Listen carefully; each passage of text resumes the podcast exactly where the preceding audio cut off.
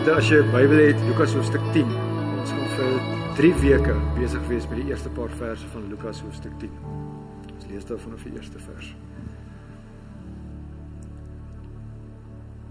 Ek lees vandag vir ons uit die Nuutste Afrikaanse die Nuutste Afrikaanse vertaling. So elke 20, 30 jaar is daar 'n nuwe Afrikaanse vertaling. Dit was in 1933, toe staan 1953 so al vir siene weergawe van die vertaling. Ek meeste van die baby boomers het met die 53 vertaling groot geword. Toe in 1983 baie van die Gen X millennials het met daai Bybel groot geword en so 2 jaar terug 2020 het die nuutste Afrikaanse vertaling uitgekom. So ek lees vir ons Lukas 10 vers 1 tot 7 en dan doen ek vir ons 'n gebed. Lees asseblief saam met my. Hier nou uit die Here nog 72 ander aangewys en hulle 2-2 vir hom uitgestuur na elke dorp en plek wat hy nog wou besoek. Hy het vir hierdie 72 ouens gesê: "Die oes is groot, maar die arbeiders min. Daarom moet julle bid tot die Here aan wie die oes behoort om arbeiders uit te stuur vir sy oes." Dan hierdie hierdie opdrag gaan nou, kyk, ek stuur julle soos lammers tussen wolwe in. Moenie 'n beursie of 'n reissak of sandale saamdra nie en moet niemand langs die pad groet nie. Watter huis jy ook al binne gaan, sê eers vrede vir hierdie huis. As daar 'n vredelewende mens woon, sal julle vrede op hom rus, anders sal dit na julle terugkeer. Bly in dieselfde huis terwyl hulle eet en drink wat hulle aanbied, want die arbeider is sy loon werd. Ons lees vandag net tot hierso. Kom ons sit so en doen ek vir ons 'n kort gebed. Ek hoor so 'n bietjie van 'n ek ekho as jy hom kan stel asseblief. Kom ons roep die naam van die Here aan. Ons Here, ons is mense van die boek is die een wat primêr met ons kommunikeer via die woorde van die Nuwe Testament, via die die woorde van Jesus Christus. Here mag mag almal van ons oud en jonk. Here mag ons vandag u wil vir ons lewe hoor. Here mag ons iets van ons identiteit leer.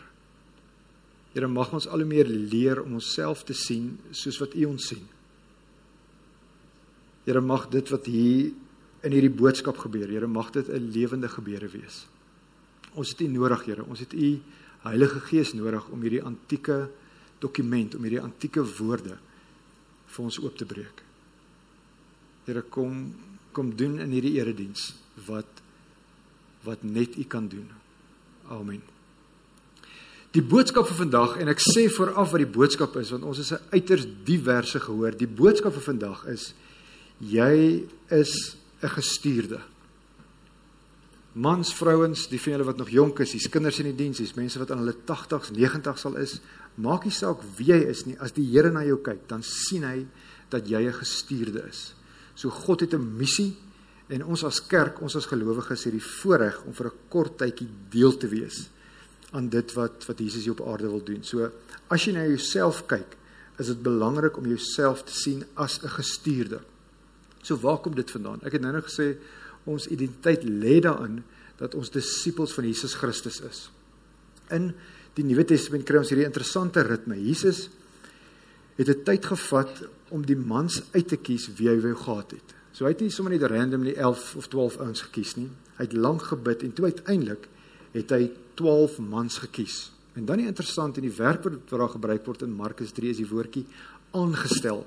Hy het hulle aangestel om by hom te bly sodat hy hulle kon uitstuur om die evangelie van God te gaan verkondig.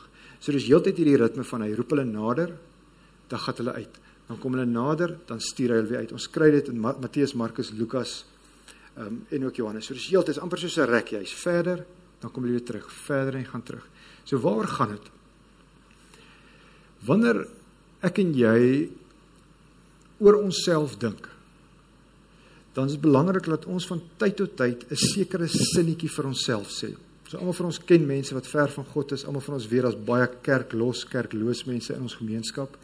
Wanneer ek en jy in sekere vergaderings instap, wanneer ek en jy na party kuiers toe gaan, dan is dit belangrik dat ons onsself daaraan herinner dat God die ene is wat ons stuur. So die aksie uit vandag se boodskap is is gewoon om net van tyd tot tyd in hierdie week wat kom net te stop en vir jouself te sê, "Alright. Ek is 'n gestuurde. Dis hoe God my sien as 'n disipel stuur hy my in hierdie wêreld in en nou nou moet ons oop bly, oop wees vir dit wat die Here in hierdie in hierdie ruimtes wil doen. Wat ons vandag gaan doen is, ek gaan so gesels deur hierdie sewe verse. So Rudy sal asseblief vir ons vers vers 1 opsit net om ons so 'n bietjie van 'n greep te gee oor hierdie eerste gedeelte van Lukas 10 waarmee ons dan nou besig gaan wees vir die volgende 3 weke. So ek gaan die vers lees en net so 'n bietjie dit vir ons uitlê. Hierna, nou die vraag is na wat? Iets het gebeur en toe het Jesus 72 ouens uitgestuur. In Lukas 9 lees ons dat Jesus Christus sy 12 disippels uitgestuur het en hy het hulle uitgestuur basies met dieselfde opdrag. Moenie te veel goed saamvat nie, moet nie 'n beer sê en 'n tas saamvat nie. Gaan verkondig die evangelie. So dit gebeur en dan kom Christus en hy kies nog 'n paar mans uit. In die vertaling wat ek gelees het, staan daar hy 72 mans gekies. Gemeente, help my gou. Ek is doodseker van julle vertalings sê 70. Wie van julle het 'n vertaling wat sê 70? Het julle dit gesien? Alraai. So die ons sit ons sit met geen oorspronklike dokument wat Matteus, Markus, Lukas of Johannes geskryf het nie. Al al daai kopieë is weg. Dit het verdwyn. Wat ons het is kopieë van kopieë. So daarso is 'n paar van die manuskripte wat sê Jesus het 72 uitgestuur. Daar's 'n paar van die manuskripte wat sê dit was 70. Maar dis nie so belangrik nie. Die belangrike is die simboliese waarde van hierdie getal wat hy uitstuur. Onthou Jesus was 'n Jood, hy het in 'n Joodse konteks gewerk, het in 'n Joodse konteks bedien. Die Jode het die Ou Testament verskriklik goed geken. In Genesis hoofstuk 10 lees ons dat daar 70 of 72 nasies op hierdie aarde is. Dis die nageslag van Sem, Gam en Jafet. So as jy in die eerste eeu vir die Jood gevra het, hoeveel nasies is, is op hierdie aarde, sou hulle vir jou gesê het of 70 of 72. So die Hebreëse vertaling van die Ou Testament sê 70 en die Griekse vertaling, die LXX, praat van 72 nasies. So wat belangrik is, van die begin af het God 'n hart gehad vir al die mense op hierdie aarde. God se versuur, Jesus Christus se versuur was altyd 'n baie wye versuur. Ons dink baie keer, ons as NG Kerk lidmate, ons dink baie keer God is net ons God. Hy is die God van die Afrikaners. Maar as ons die Bybel gaan lees en ons kry reeds hierdie tekens, hierdie spore in Genesis, is God die ene wat lief is vir alle mense op aarde. Genesis 12, hy sê vir Abraham, Abraham, ek gaan jou seën. Hoekom? Sodat jy tot 'n seën kan wees. Dan sê die Here bietjie later vir hom, Abraham, ek gaan jou seën en dan die woorde in jou gaan al die nasies op die aarde geseën wees. So wanneer Jesus hierdie hierdie 72 ouens ouens uitstuur, is dit simbolies om te sê hy wil uiteindelik by al die volke op hierdie aarde uitkom. En as ons dan 'n boek soos Handelinge lees wat Lukas ook geskryf het, kom ons agter die apostels het toe gegaan en hulle het hierdie boodskap in die wêreld ingevat. Hy stuur hulle 2-2 2-2 was gewoon maar dit, as jy iets nie alleen doen nie, is daar iemand wat jou ondersteun, daar's iemand wat jou kan onderskraag, daar's iemand wat jou moed kan inpraat. In die wysheidsliteratuur van die Ou Testament in 'n boek soos Prediker staan daar mense hoor baie keer by by 'n troue staan daar 2 vaar beter as 1. Die skrywer van Prediker, ons is nie seker wat Salomo was nie, maar die skrywer Kohelet sê jou inspanning kom tot iets jy gaan meer gedoen kry as jy 2-2 saamwerk. So dis bietjie in die rigting van sinergie 1 + 1 is is nie noodwendig 2 nie. As jy goed saamwerk, dan kan jy meer gedoen kry. En ons kry hierdie die feit dat Jesus 2-2 ouens uitstuur ook in die Markus Evangelie waar hy aanvanklik sy disippels uitstuur. Maar die interessante van die 2-2 Ek aanvaar hier is heel party mense wat regsgeleerdes is, die van hulle wat lief is vir die reg. In die eerste eeu moes daar twee getuies vir enige saak gewees het. So as jy in 'n hof verskyn, kon jy nie daar staan en sê edelagbare, ek het iets gesien nie. Hulle sou jou getuienis van die tafel afgevee het. In die wette van Israel, in die wette van die Jode, in Deuteronomium en in Numeri staan daar wat jy ook al gesien het, moet bevestig word deur twee of drie getuies. So dis een van die redes hoekom Jesus hier twee twee mans uitstuur sodat as hulle terugkom en verslag lewer sodat hulle getuienis geldig kan wees. Nou net 'n kantopmerking. Nie almal wat in 'n kerk sit is gelowig nie. Ek bedoel dis 'n gegewe. Baie van ons worstel, mens twyfel oor sekere goed. Soos ek ek self het baie goed waar ek wonder en twyfel en goed so. Die Christelike geloof in Jesus Christus staan en val by die feit dat God vir Jesus uit die doodheid opgewek het. As Jesus nie uit die doodheid opgestaan het nie, dan mors jy jou tyd deur hier te sit. So die kerk is gebou op Christus se opstanding uit die dood.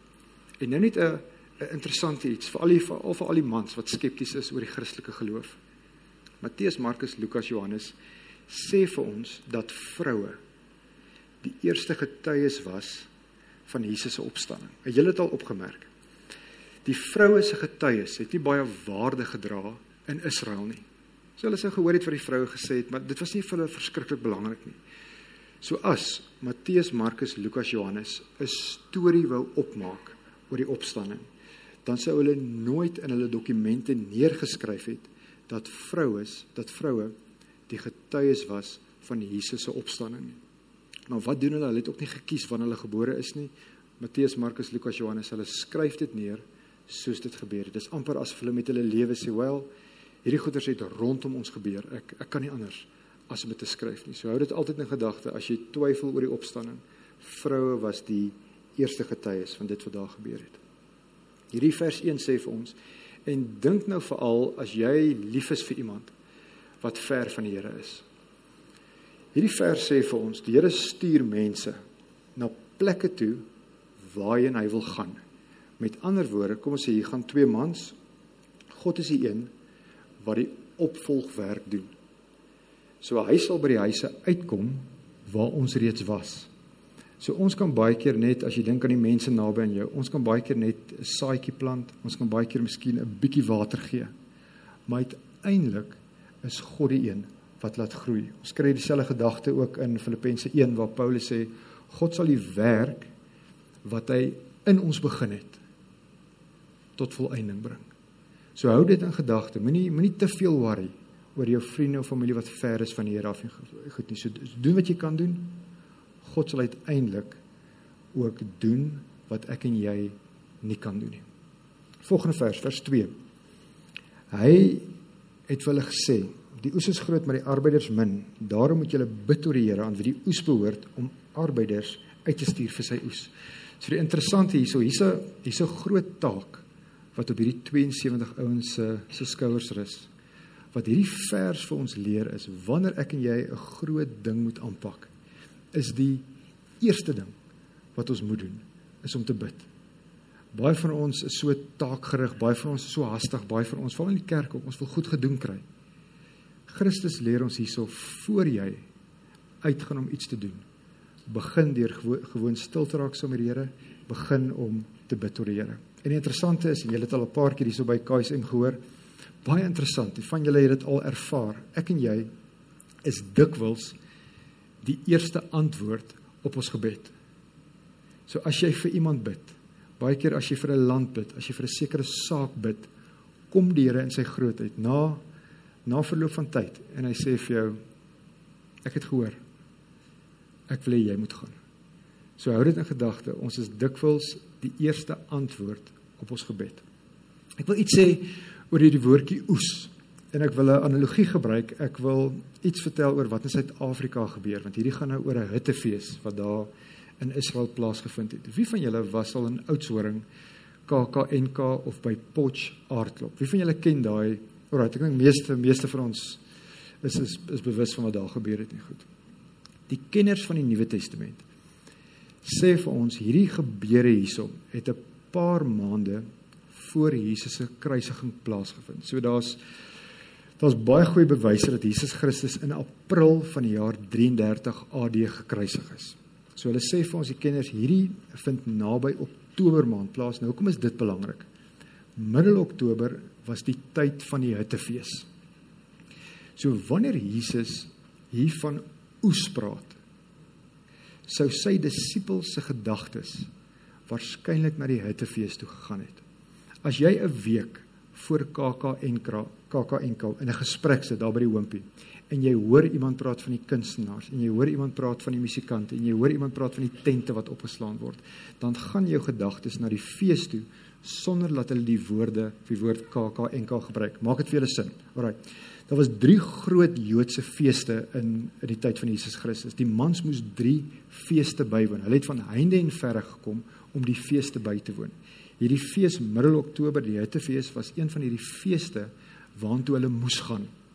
So hou dit in gedagte, dit was 'n fees, 'n oesfees om vir die Here dankie te sê vir die kos. Dis 'n fees waarna hulle teruggedink het na hulle 40 jaar in die woestyn en in daai 40 jaar in die woestyn het hulle uitgesien na die beloofde land. So dit was 'n vrolike fees, dis 'n fees waar daar baie alkohol gebruik is. Dit was 'n dit was 'n lekker plek. Dit was 'n lekker plek om te wees in Jerusalem. Hulle fees, hulle het seker huitjies gebou van van blare en takke. Nou, hoekom sê ek dit? Hoekom is dit belangrik? In die tyd van van Jesus was die Hittefees 'n fees wat gevier is en wat bygewoon is net deur die Jode. Julle weet die Jode het baie sterk grense rondom hulle gehad. Maar in die Ou Testament, in die boek Sagaria, word daar gepraat van die Hittefees. En daar word uitgesien na 'n tyd waar mense van alle nasies die Hittefees in Jerusalem gaan bywoon. So wanneer Jesus praat hier van oes gaan sy gedagtes gaan sy disippels se gedagtes na die na die Hittefees toe en hulle weet, okay, dis nou net 'n klomp Jode wat hier by die fees is, maar eendag gaan daar 'n dag kom waar mense vanuit alle volkere die Here God in Jerusalem sal aanbid. Ons kry dieselfde gedagte in Jesaja 25 waar daar staan God hou 'n feesmaal en dis basies die metafoor wat in die Ou Testament vir die hemel gebruik word. God hou 'n feesmaal vir mense vanuit alle volke. So ek sal altyd pleit, God God is nie net die God van ons klomp Afrikaners nie. God is nie net die God van die NG Kerk nie. God is die God van die hele wêreld. Die alles die die wêreld en alles wat daarop is behoort aan hom. As Johannes die Doper vir Jesus sien, dan kyk hy hom stip aan, dan sê hy, daar's die lam van God wat die sonde en dan sê die Grieks vir ons wat die sonde van die kosmos wegneem. So God se versuur, God se skoop is altyd groter as ons skoop.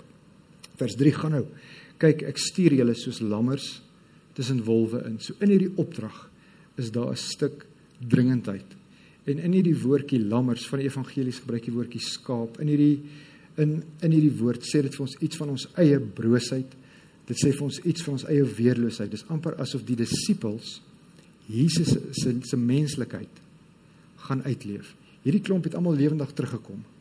Maar as ons verder lees, veral in 'n boek soos Handelinge, dan kom ons agter hulle is hulle is letterlik soos lammetjies tussen wolwe ingestuur. Almal van ons wat lief is vir die wildtuin, weet wat doen 'n willehond met 'n klein rooi bokkie.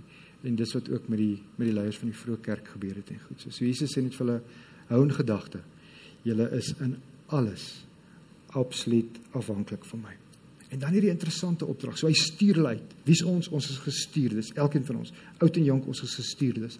Jesus stuur hulle uit met hierdie woorde. Moenie 'n beursie of 'n reisak of sandale saamdra nie. Ons is nie seker of hulle moet met niks moet uitgaan en of hulle nie 'n ekstra paar skoene moet saamvat nie. Maar Jesus sê net gaan met min, travel light, die van julle wat 'n message vertaling nou nog gelees het. Travel light. En moet niemand langs die pad groet nie. In antieke Israel was daar sulke uitgerekte rituele waar mense baie moeite gedoen het om mekaar uit te vra. So dit het sy plek. Paulus sê in die Nuwe Testament ook ons moet mekaar groet. Maar in hierdie geval sê Jesus Christus moenie moenie met hierdie gebruike, moenie met hierdie rituele tyd mors nie.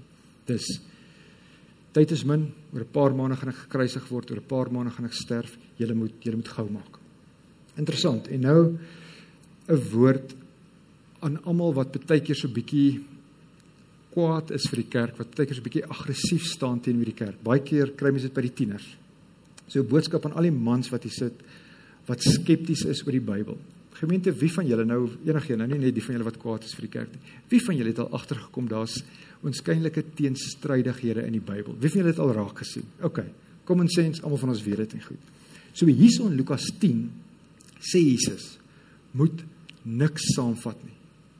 Moenie 'n beursie saamvat nie, moenie sandale saamvat nie, moenie 'n toksak saamvat nie. Gaan met min. Baie interessant.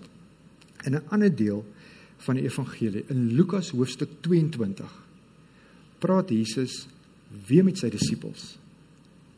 En dan stuur hy hulle uit en hy sê vir hulle: "As jy 'n beursie het, vat 'n beursie saam. As jy 'n reisak het, vat 'n reisak saam. As jy 'n swaard het, vat 'n swaard saam. Nou is die vraag, as ek sê mense wat nou aggressief staan teenoor die kerk, sal hulle sê maar kom kyk nou hierso. Wat gaan hier aan? Hier is mos nou 'n duidelike bewys dat God baie keer een ding sê en dat hy ander keer 'n ander keer sê. As jy al hieroor gedink het, stuur asseblief my 'n e-pos. Stuur my 'n e-pos in bullet formaat, maar nie so lank e-pos stuur wat mens nou lank vat om te lees nie. OK. Die beste manier hoe ons die teenstrydighede in die Bybel kan verstaan is om God te sien soos wat Jesus ons geleer het om hom te sien. God is ons Vader. So hy werk met ons as sy kinders.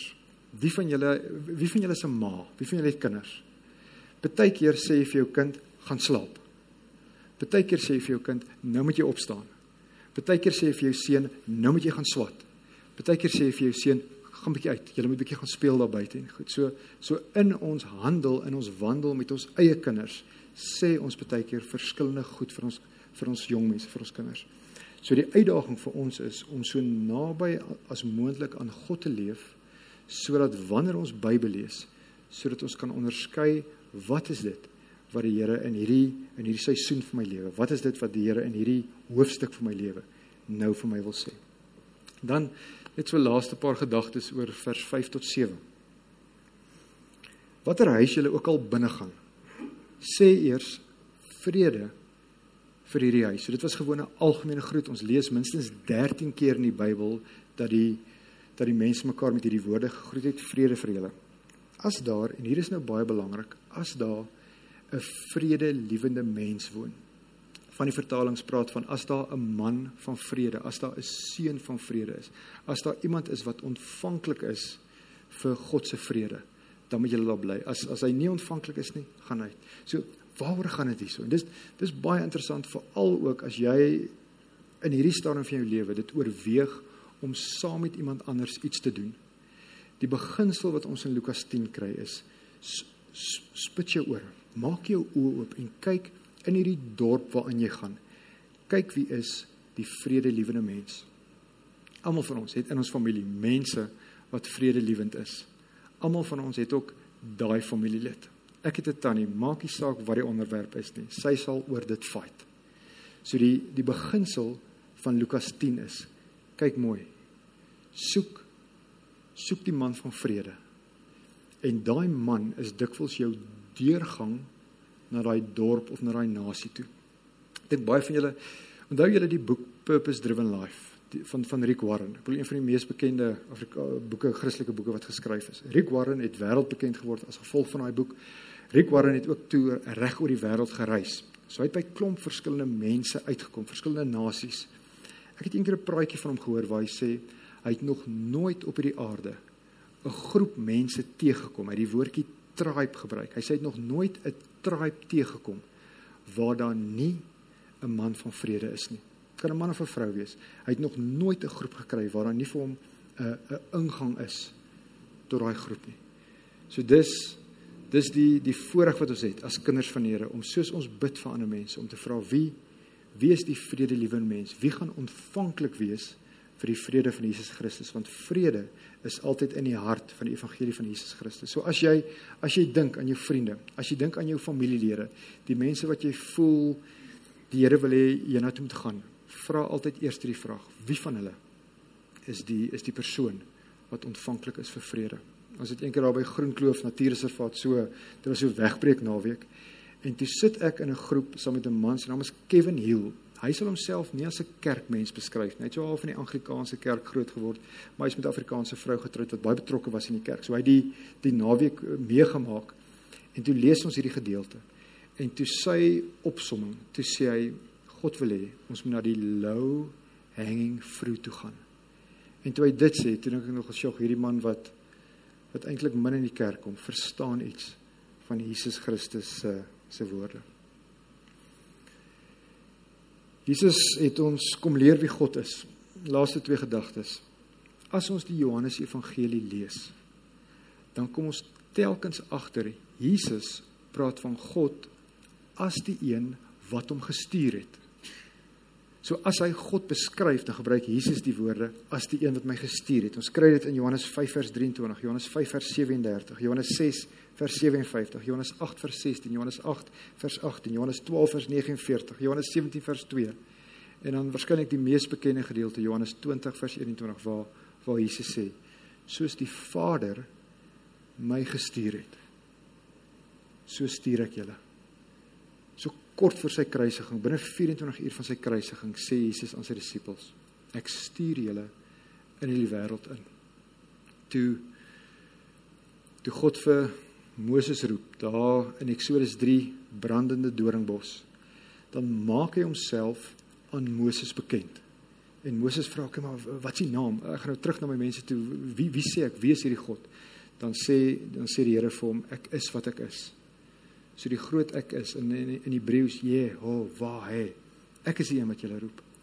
Maar dan interessant, Moses se reaksie is dikwels ook ons reaksie. So God wil hom stuur om die Israeliete te bevry en dan vra hy in 'n vers 3 keer. Hy gebruik die woordjie ek 3 keer. Hy sê, "Maar wie's ek? Wie's ek? Wie's ek?" En dan kom die Here dan ek dan kom die Here in Eksodus hoofstuk 13 is amper asof hy sê dit gaan nie om wie jy is nie. Hierdie gaan oor my. Dit gaan oor die groot ek is. Jy gaan nie in jou eie krag nie. Ek stuur jou en ek sal jou werk voltooi. Kai sê mag ons in hierdie week voor jy in daai vertrek instap, voor jy saam met iemand gaan koffie drink. Mag ons elke dag onthou dat God vir my en vir jou sien as 'n gestuurde mag mag ons soos Jesaja mag ons soos Jesaja sê hier's ek Here stuur my amen ons Here mag ons onsself sien soos wat U ons sien. Here mag mag ons soos Maria Here mag ons bereid wees om te doen wat U wil hê ons moet doen. Here mag ons U in hierdie wêreld indra. Here, U weet ons is broos. U weet in hierdie postmoderne wêreld waarin ons leef is is die kerk met dikwels op die op die rand van die samelewing. Here, kom gee vir ons die krag en die moed en die ywer om te doen wat U wil hê ons moet doen. Kom werk deur ons in hierdie week. Amen.